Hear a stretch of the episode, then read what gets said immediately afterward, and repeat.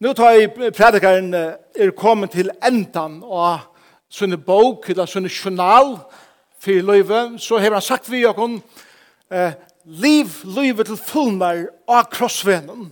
Det tar seg om i og i 19. kapitlet. Og i 20. kapitlet tar seg om, men lær at liva livet som ein viser personer, og ikke som ein dare.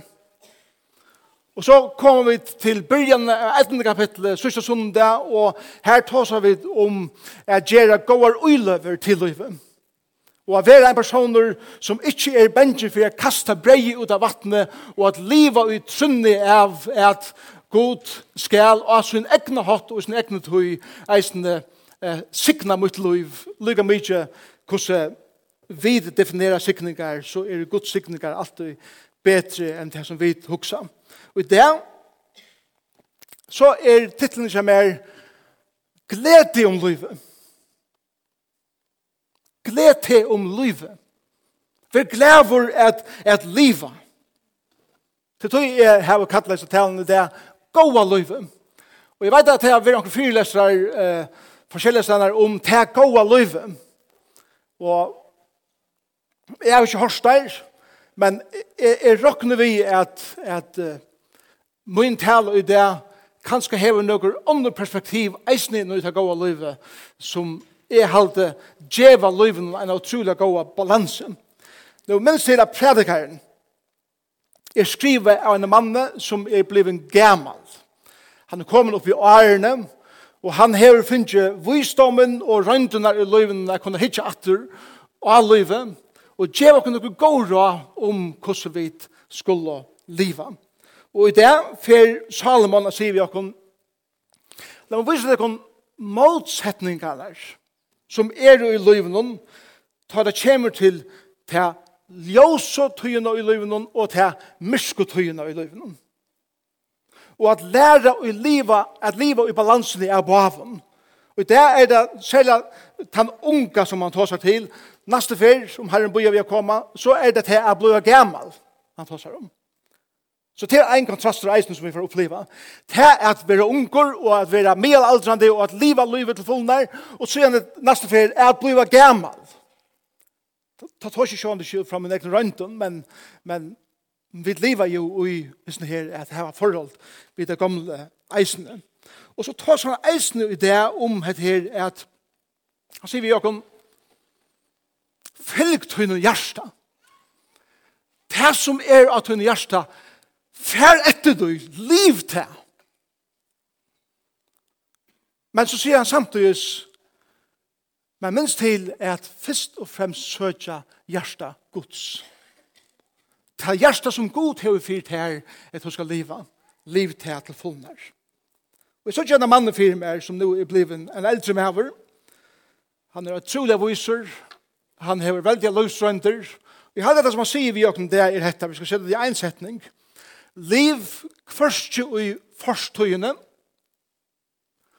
og heldur ikke i framtøyene, men liv i noen til fullnær, vi røyndene som du hever fra forstøyene, og vi vånene som du hever fire framtøyene.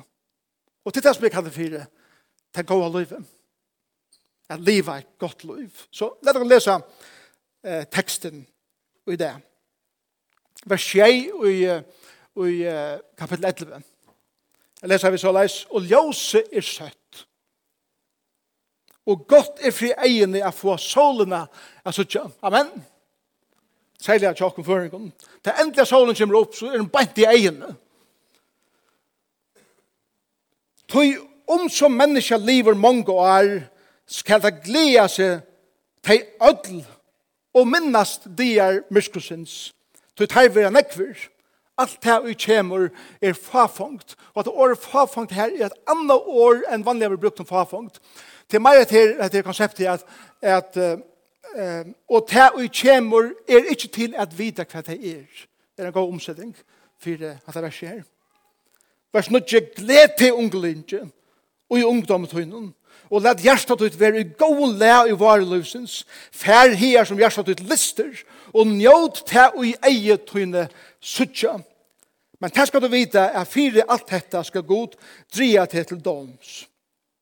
Let gremjo vujtja fra hjertetøynen og halt plav og borster fra likametøynen. Tøy ungdommer og morgenrøyen er fafangt. At det samme året for fafangt som åren, det er ikke til at vita, det er fer så kjøtt. Og så gjennom vers 1 i kapittel 12, Hugsa om skaparen, skaparatøyen og ungdomsdøven. Hatt det som jeg ikke tar seg om i det. Først er det etter her, den første iverskriften som jeg ikke at her det er det er godt å gledast om livet. Amen.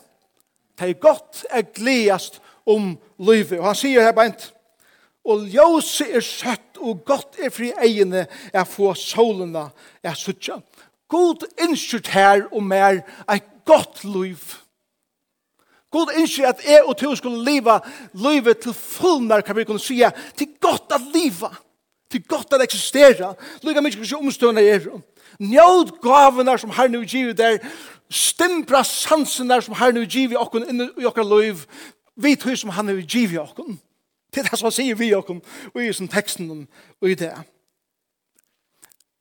Jeg vet ikke hvordan tid her var det. Ta, ta, ta, vi tar ut fra stoven til åkken, så har vi trapper nye og gjerne terrass.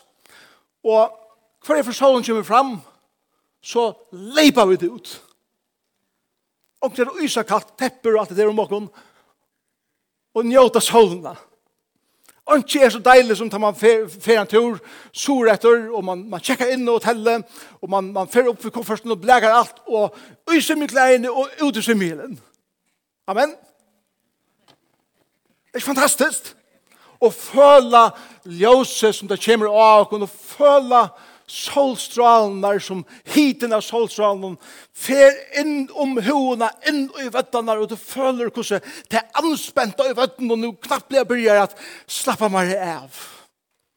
Det er en gave for gode jeg kunne njóta hitan og, og, og ljose som skuiner i egene, som, som djever okkur alle til vitaminene som likam har bruk for at være et sunt likam. Vi har bruk for øtlen tøy og leven og god og giv okkur til.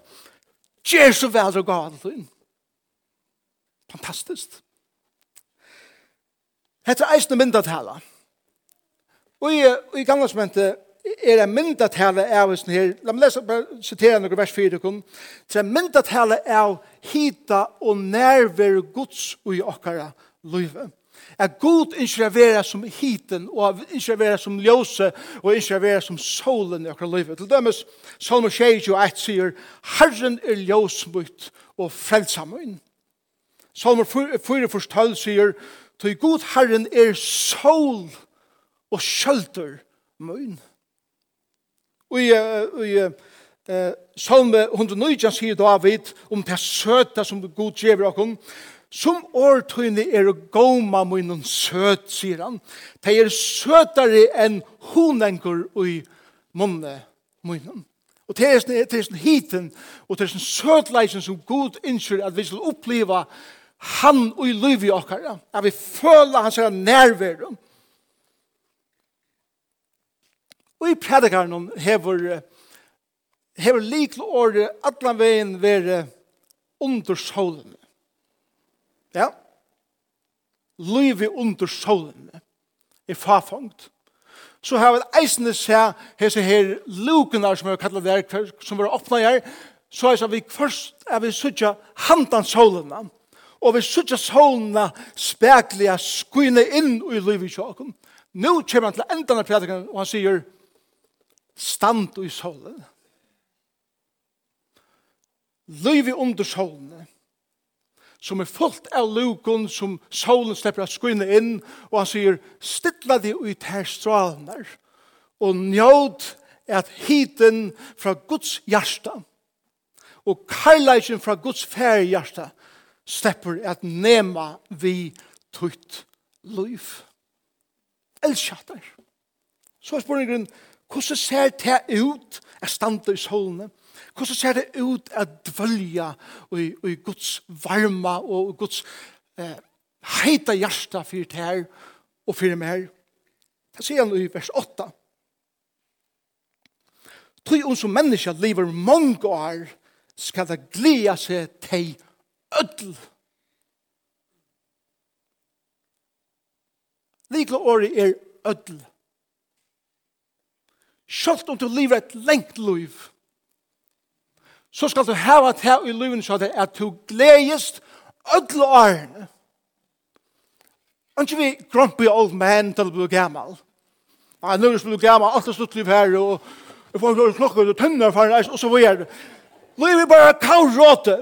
Så prædikar sier, hvis du lever så leis, så er du fullkomna misforsteie til som god atle vi tunn liv. Han innskjer at du fra vøkkene til grøvene lever til fullnar og i ødlom tøy som god til vi givet her er at njóta og i hans er gavon inn og i tøyt liv. Alt det samme. Som jeg sier, som, som ja, Lise og, og prater vi, fire at vi er glæver alt ut liv, så, som bare så kusjer njóta det med en tvørst unger. Til særlig med en tvørst unger at du kan være glæver til at du blir gammal, så du blir gammal, impotentur og kyniskur. Så her er ikke, her er ikke henta. Så er det andre som sier, ja, men til at du blir eldre, at du kanskje blir glæver, til at du er så unge, så er det så nekka strøyas vi, og du kyler ikke løyve, og til at du blir eldre, at du blir ordentlig glæver. Så er det som som sier, ja, men til kanskje meira ta ut og først, en, en balans i livet, hver du finner til deg selv, og du vært fri under øke, og du finner det selv. Wow. Det må være lykkelen. Og andre sier, ei, ta vær at du finner ikke alt som du har bruk for i løyven og alt det materiella og alt det imenska, så kan du være glæver, og god sier uh, til alt av det her. Lyga mykje hver du erst, lyga mykje hver du kommer fra, lyga mykje hver aldri du kommer ui, så kan du velja at vera glæver ödl årene som du lever her og gjør. Lyda mykje hva fyrir årstøy av løyven er tvørstøy, så kan du velja ui tøy årstøy av løyven som tvørstøy at liva løyve som en glæver personer. Og den skriver i bøkene tja, tja okkom at elsker liva såleis om eh, løyve. Og tar imenska årstøyunar i løyven. Hun sier såleis, var løysens minner okkun av nytt løyv og leier okkun atter til badna av herne tøyna ta i vid, bæra teg i motor og då sitta djeva. Batten skal heva buppuna fra mammene, og det skal heva og heva, og bøtten då sitta djeva. Jeg bare, det eier av vera, så. Så skriver vi hva gjøre. Så gjerne kommer sommare, ta i vid blomma og læra, bæge at få og djeva. Heste er tøyen tar vi sånn gledene av sommeren, samtidig som vi byrja smakka at veteren narskast. Hette er tøyen som lærer okken at djeve av okken sjolvån og ødlen okkara til ånder, utan at vanta nærka at fire. Men er takk som for det som vi få, og som vi okken give. Så gjerne kommer veteren. Tøyen tar vi vite at nå er ikkje nekk vi vant og og at livet hever last okkon er sælare er at djeva enn a få og vi sykje at livet ver alt ein gava og vi öllun som vi heva innskja vi nu resten av livet at signa ånders så imisk er det, så imisk er det, imisk er det, imisk er det, Og vi vil sykja til her og i eldre folk. Eldre folk som, som, som, som, som har last visdommen i livet er ikke folk som krattar til sin, men de djeva fra seg og vil sikna anders. Og god sier vi, vi til og med i versen, njøt livet nu. Ikke ta så om det god var unger og gåen lær, ta livet godt. Eller at det færa være godt enn før, njót livet nu. Nesta fyrir kun kan han sida nekra fyrir. I kapittel 2, til dømes, vers 24 sier han såleis, Alle dier hans er jo futtera på, vers 24, det er jo ikkje lukka som stendur til mennesker sjálf, men det kan eta og drekka og gjera seg goa dier i ötlun streve synun. Jeg trodde jeg suttet at eisen i hetta kommer fra håndgods, hans herre som hever alt. Og så gjerne i, i uh, kapittel 9, vers 6, her sier han, Færtøy og et brei tøyt vi glede, og drekk vun tøyt vi glavun hjärsta, kvøy, til god hever lango, eller hever lengt sujande godkjent te ui to gjerst.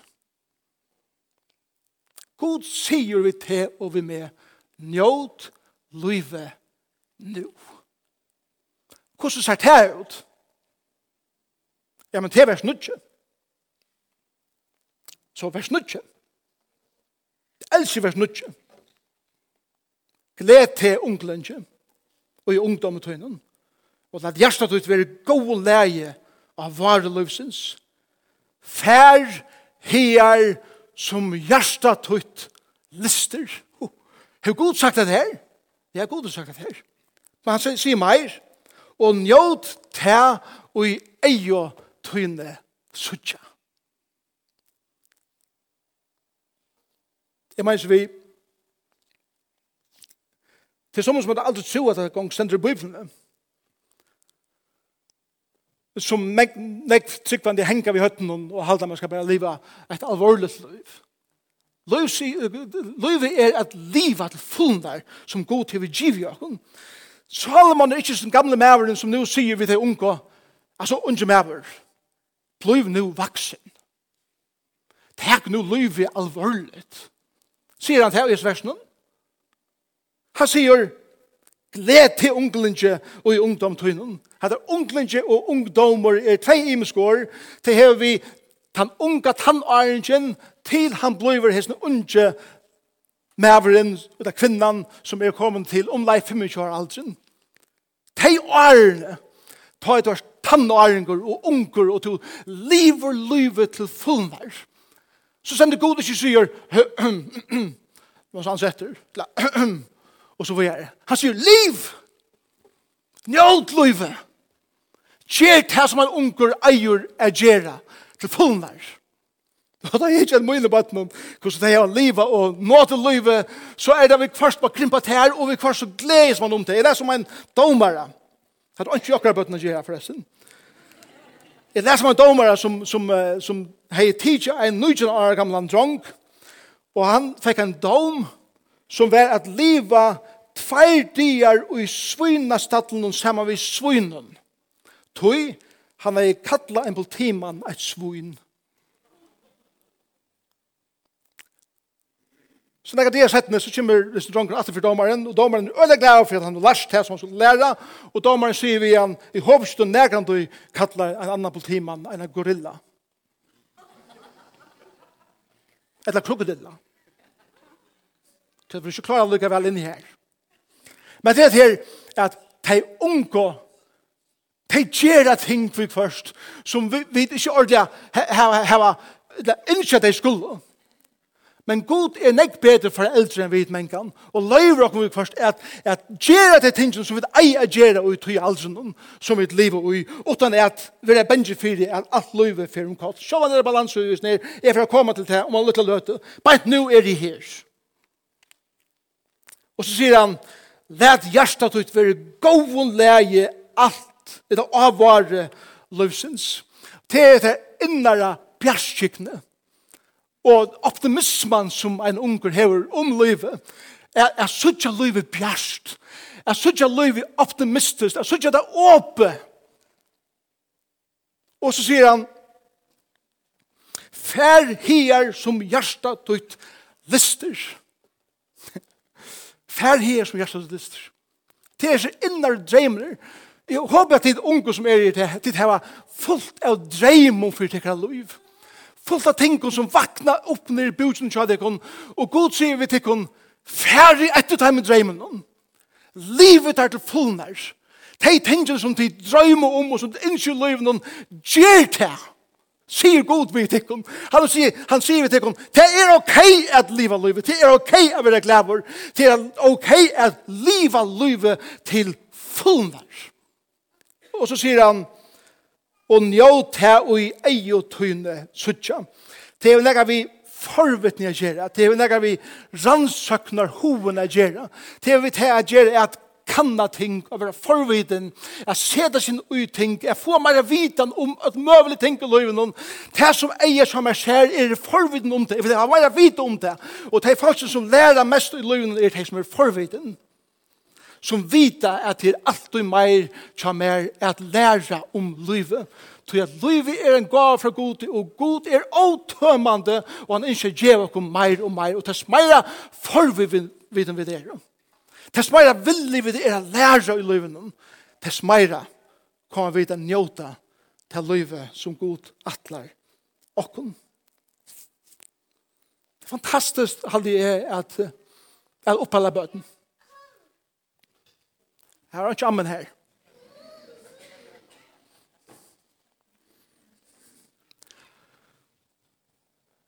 Bøttene kommer og så om halde er de som har brøtt mot liv allermest. Bortsett av min samfunn er vi herren sjølvan. Jeg er også bare skrivet en bok sammen med om, om noen år som eitur hvordan bøtten opp alle foreldre Det er ikke bøker om hvordan foreldre skal oppfelle bøten.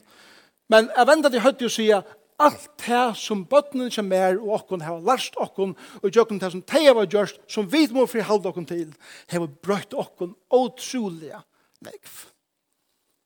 Bæg til godt og ilt.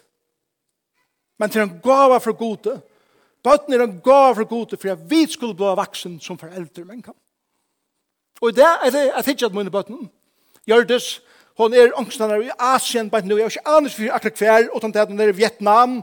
Og liv og løyve. Josef er i Stavanger, og han granskar tonleik, og han liv og løyve. Karita og sin unga alder som er heime enn, allikevel så er hun forviden og lærer og ødelse tingene som hjelper meg som foreldre sier at suttje at åh, jeg håper ikke at hit tar det på eldre missa det her. Men öll årene og god til å give til mer at liva deg til fullmer.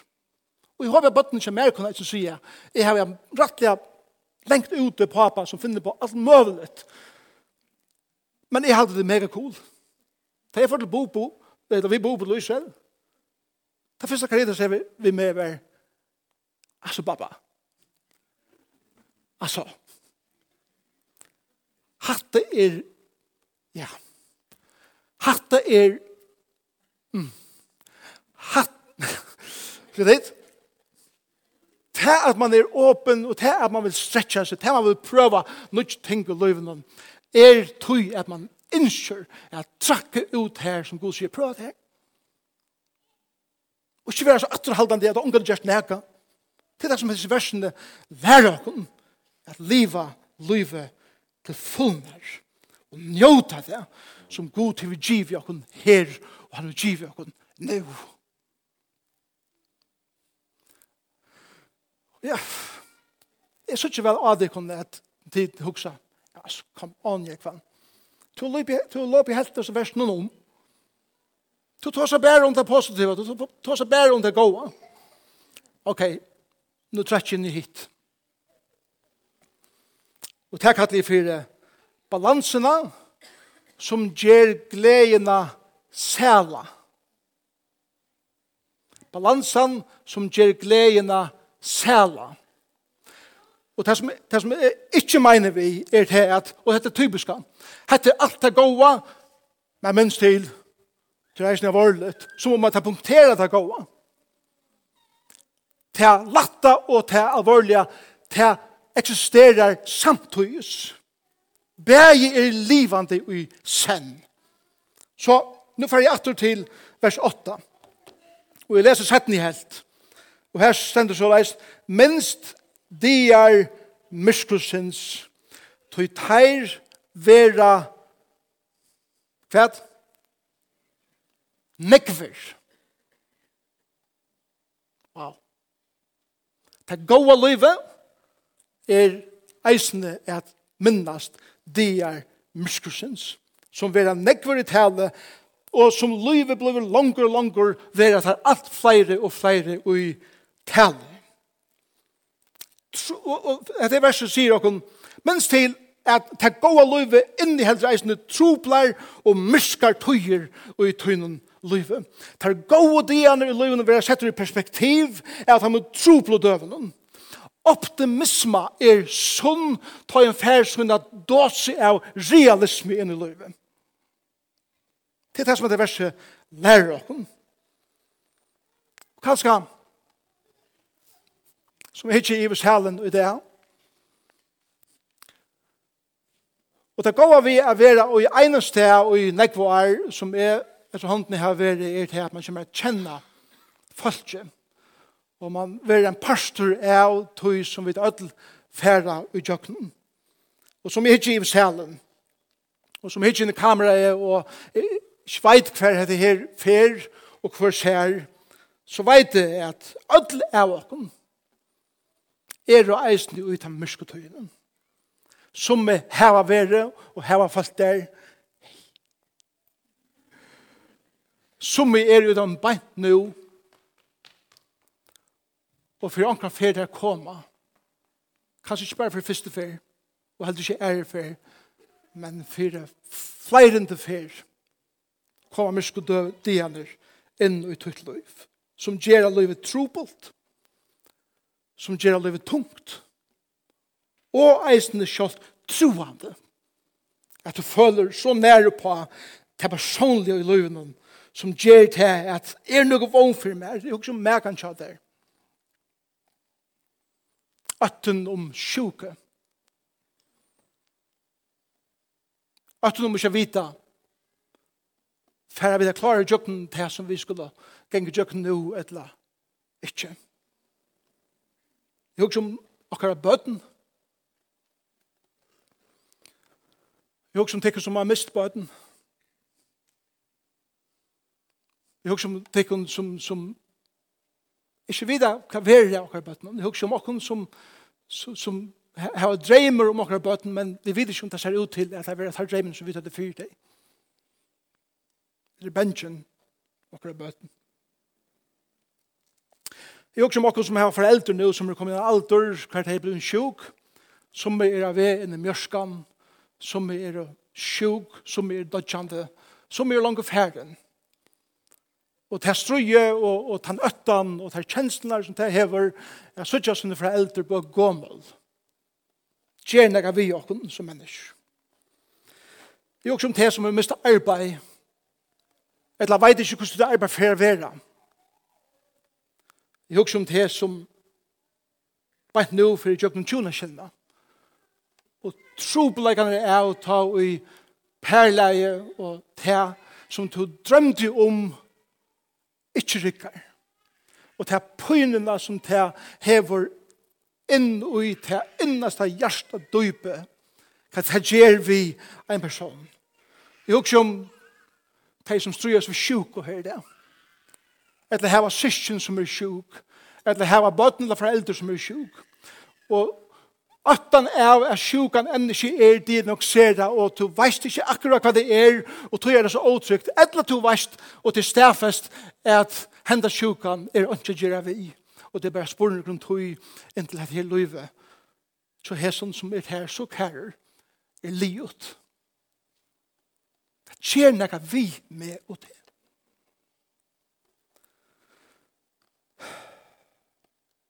Jeg også om tikkun som er misbrukt. Bæri kinslige og salalige og andalige og på alle mulige måter til sarne som du har sett i dekkar liv. Jeg husker om de som nu er jólun i mån til alle jólagåner som hinner kjeipa ikke få endene av røkka saman. Hette myrker der til myska tøyer i akkurat livet. Men det som har, god lærer dere her, er det at det er ut hæsson tøyene, som eksisterer samtidig som vi er glede. Pæg og sen, er det tøyene ta ut to og er mennast mest. Hette tøyen i løyven som gjør dere mest rymmelig for å gjøre mennesker. Hette er den tøyen i løyven som i halde eisen gjør dere mest eimjuk i løyven de eimjukaste mennesker som jeg kjenner i livet. Og jeg kjenner noen mennesker som er verilig eimjuk. Er mennesker som er åpen for at lære av de mørske tøyene i synen liv. Og som ikke bare sier, dette må jeg bare få forbi meg så sjåta så jeg kan heve det godt. Men jeg sier, dette er en pastor av at heve det godt. Dette er en pastor av at heve det godt. At du er at behandla hese tøyene og a syrja til som er og kommer inn i mitt liv. Til det som vers 8 lærer oss. Og han sier det her, og til og kommer er farfungt, gjør når han, til og kommer, vi vet ikke hva det innebærer. Jeg får ikke tid til fast ut at jeg vet ikke hva det er. Framtiden er overs. Og jeg skal liva ut som en parste av det gode livet. Og så sier han i vers 9. at han har sagt, njåt her jeg eit under så sier han, men det skal du vita, at for alt dette skal god dria til til doms. Det som jeg den lærer dere her i dette, og i løyvenen, teg og arbeid, og lær å råkne konsekvens. Konsekvensråkning. Konsekvensråkning er det som vi har bruk for at læra i løyven til at det er så nekk av oss som bare tager avgjør uten at råkne konsekvens i løyven. Og det er ein tøy tøy vi skulle sutja konsekvensene av tøy som vi gjør i okkara løyven. Det er ungen gjør i løyven utan konsekvens. Og det skulle vi eisne sutja i egin. Ultimativt skulle vi eisne stande i arbeid for gode for alt som vi gjør. Men jeg sutja det ikke som vi kanskje har hoa så tjadda. Jeg synes ikke jeg er god akkurat som sier, jeg er liv løyve, og så fyrir han på, en pedestal og sier, men minst til. Det er peisefingren. Det er ikke mynden som er suttje. Mynden som er suttje er, til er god sier ikke her, njød løyve, liv det. Men så kommer han som en elskande fægeren og omfevnade måren som sier, men minst til at alt det som du gjerst, og alt det så gode ting som jeg har givet her, hava en konsekvens. Jeg sier det vet nå, så er det så at du kan få det inn ut under tankar, at ta og jeg sier njød løyve, så er det ikke bare at gjøre akkurat som du vilt, utan å råkna konsekvenser. Er det vi? Ja. Og det er så omedelig områdende at, at her var vi og i, i, i livet og tar vi også om at det er at livet det er som en elskende feir som sier vi seg i baden. Det er først du ut i trafikken og jeg vil ordentlig gjerne at du kører enderskin og ha. Tui at henda orsens tui er som mysk og regne og solen skuiner og alt er sen og vi tsutja og vi kanskje ikke tar baden for i veien hvis ikke hever enderskin og jeg, jeg vil at du skal være så vel fyra og affære ut som møvelet Er, er så kaldt gåa, ikke er nulpa. Er så forheitur, ikke? Takk det av. Til, til at det her jarsaleir, for eldre jarsaleir som god hever til okken og isen her, og avværingen som vi kallar det, eller balansene som gjør gledene sæla. Rokna konsekvens. Hoksa konsekvens ut av den avgjøren som du teker. Kære unge, som er her det. Løyve stendet her pure åpe. Og god sier vi til njøt livet, fer her som hjertet ditt drømmer er ferdig, og njøt her som eier til henne suttja. Men minst til, at det betyr eisen at hukse om ta du teker avgjørende hva dette kan leie meg til. Hva er jo ikke hukse om det? Jeg vet at det unge ofte er så spontan og til finnes ordet, men få det inn i visdommen av tøyden hukse når det er i livet. Jeg som til stjåre.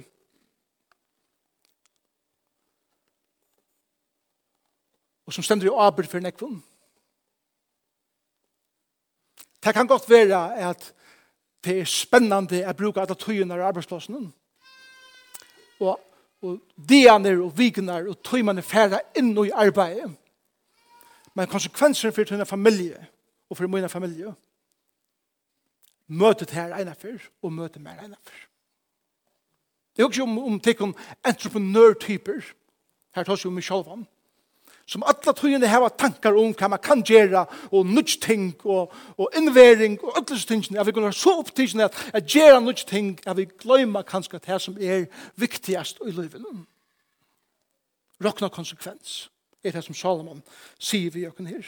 Karrieremenneske, kontorarbeider, Lyga mykje hver du erst. Avgjerna som vi heva, sier god, skulle vi ein eisende rokna konsekvensen fire. Så jeg sier, jeg skal dreie det til dom, jeg skal lære til stand i arbeid for alt som du gjerst.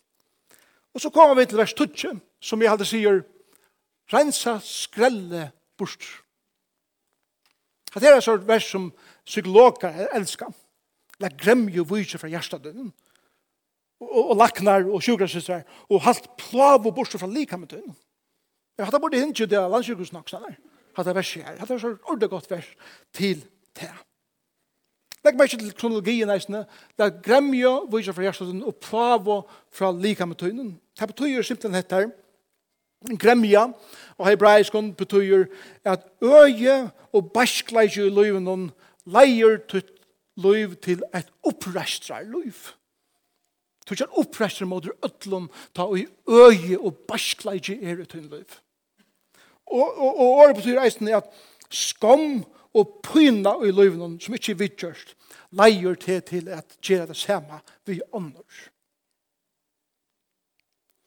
Tek hatt av er det som Salomon sier vi okkur. Hetta er ikke vi aldur å gjøre. Hetta er galdandi fyrir allar aldrar.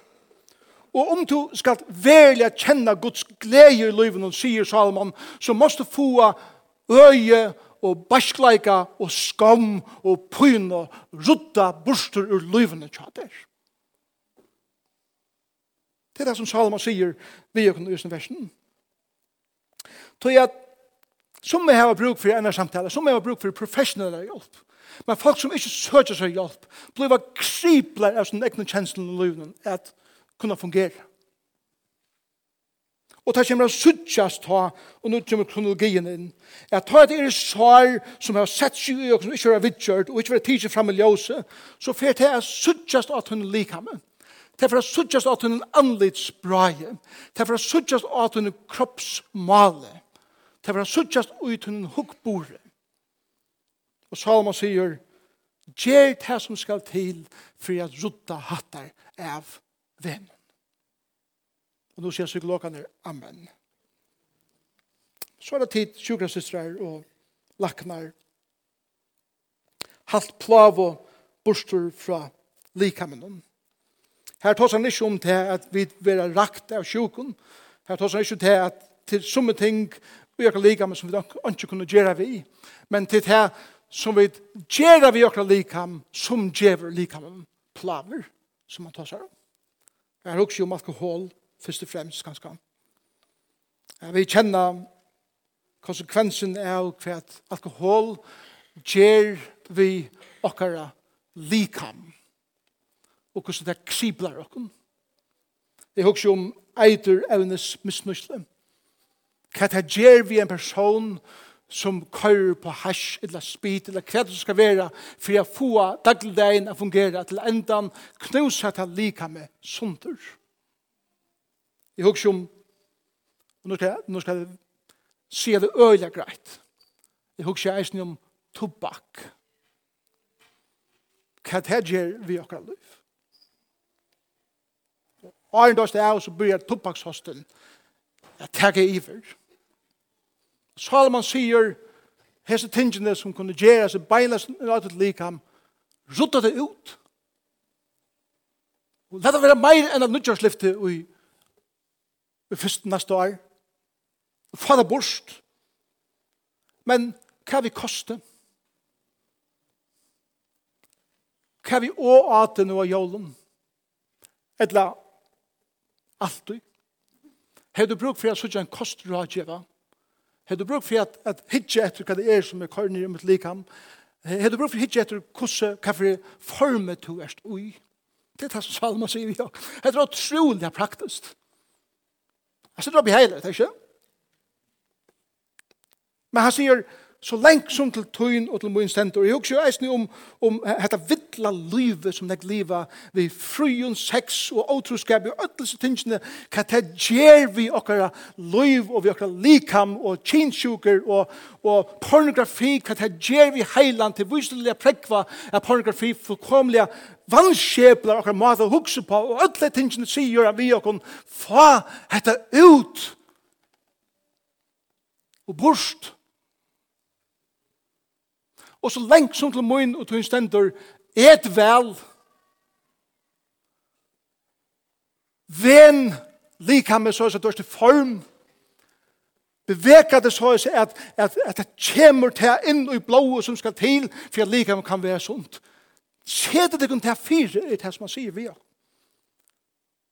Jeg vet at listen kunne være nekk langer, og vi kunne ta seg lunch med det her, men til videre hva det er som Salomon sier vi, og kunne er ikke det. Og vi har bruk for å nevne tingene fra tellerstånd. Få det bort, sier han. Og så kom jeg til endan.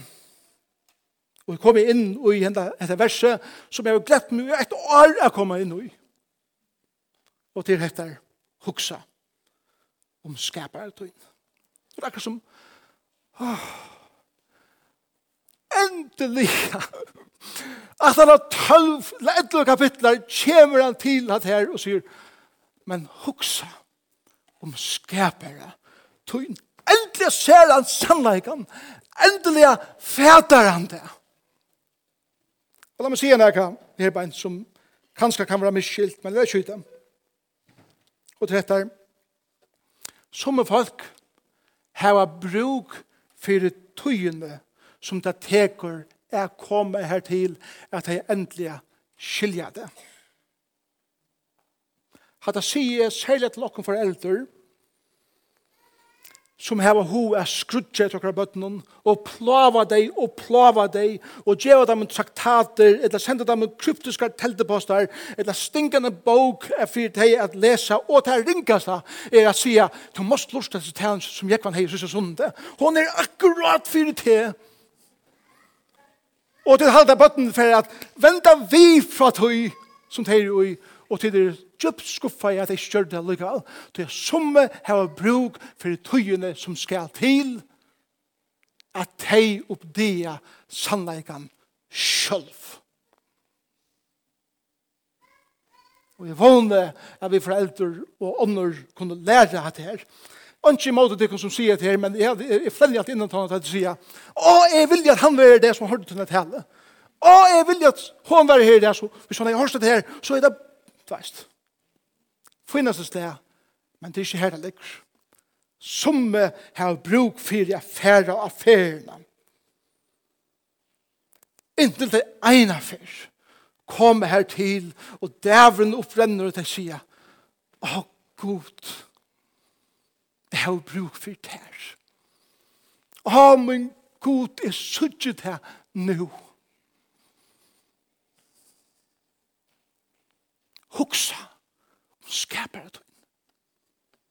Men du er en unger, sier sin gamle maveren, vi jokken.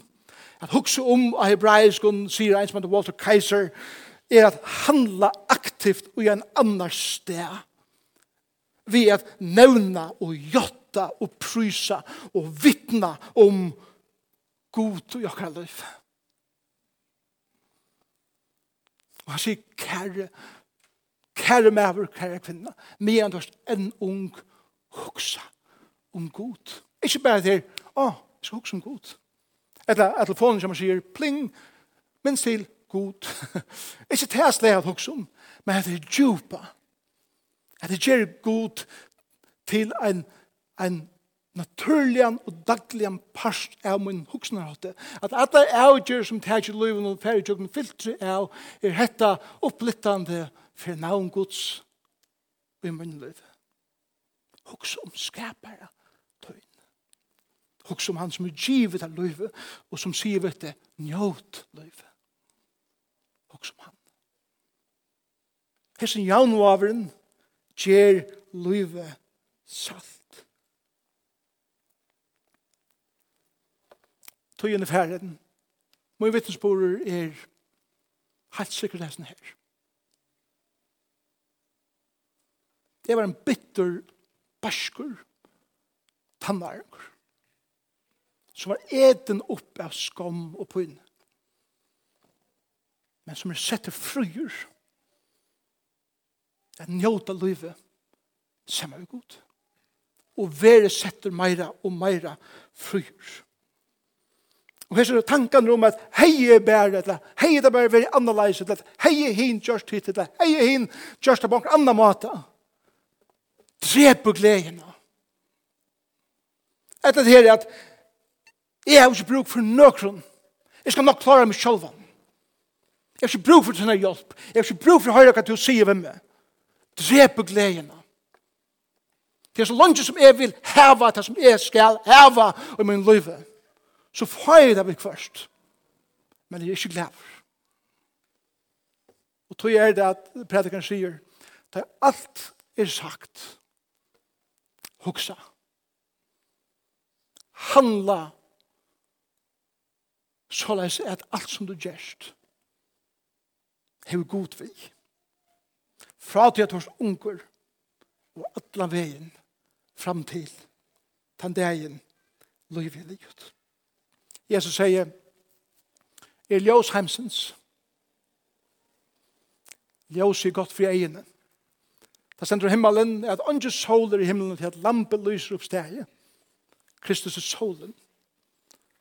Og bådskapen det er stand og i solene og let hitan og ljøse fra lampen om Jesus skyna inn i tøyt liv. Til bæra og i hånden til å finne ultimativa glede. Og han sier vi til og med liv, livet til fullmer. Og liv og jaunvannen som gjever gledene selv. Og det er en forhold til. Ikke i listen av å gjøre eller ikke gjøre, men en forhold til. Vi tar en skaper. Og han har et navn, og han er Jesus Kristus.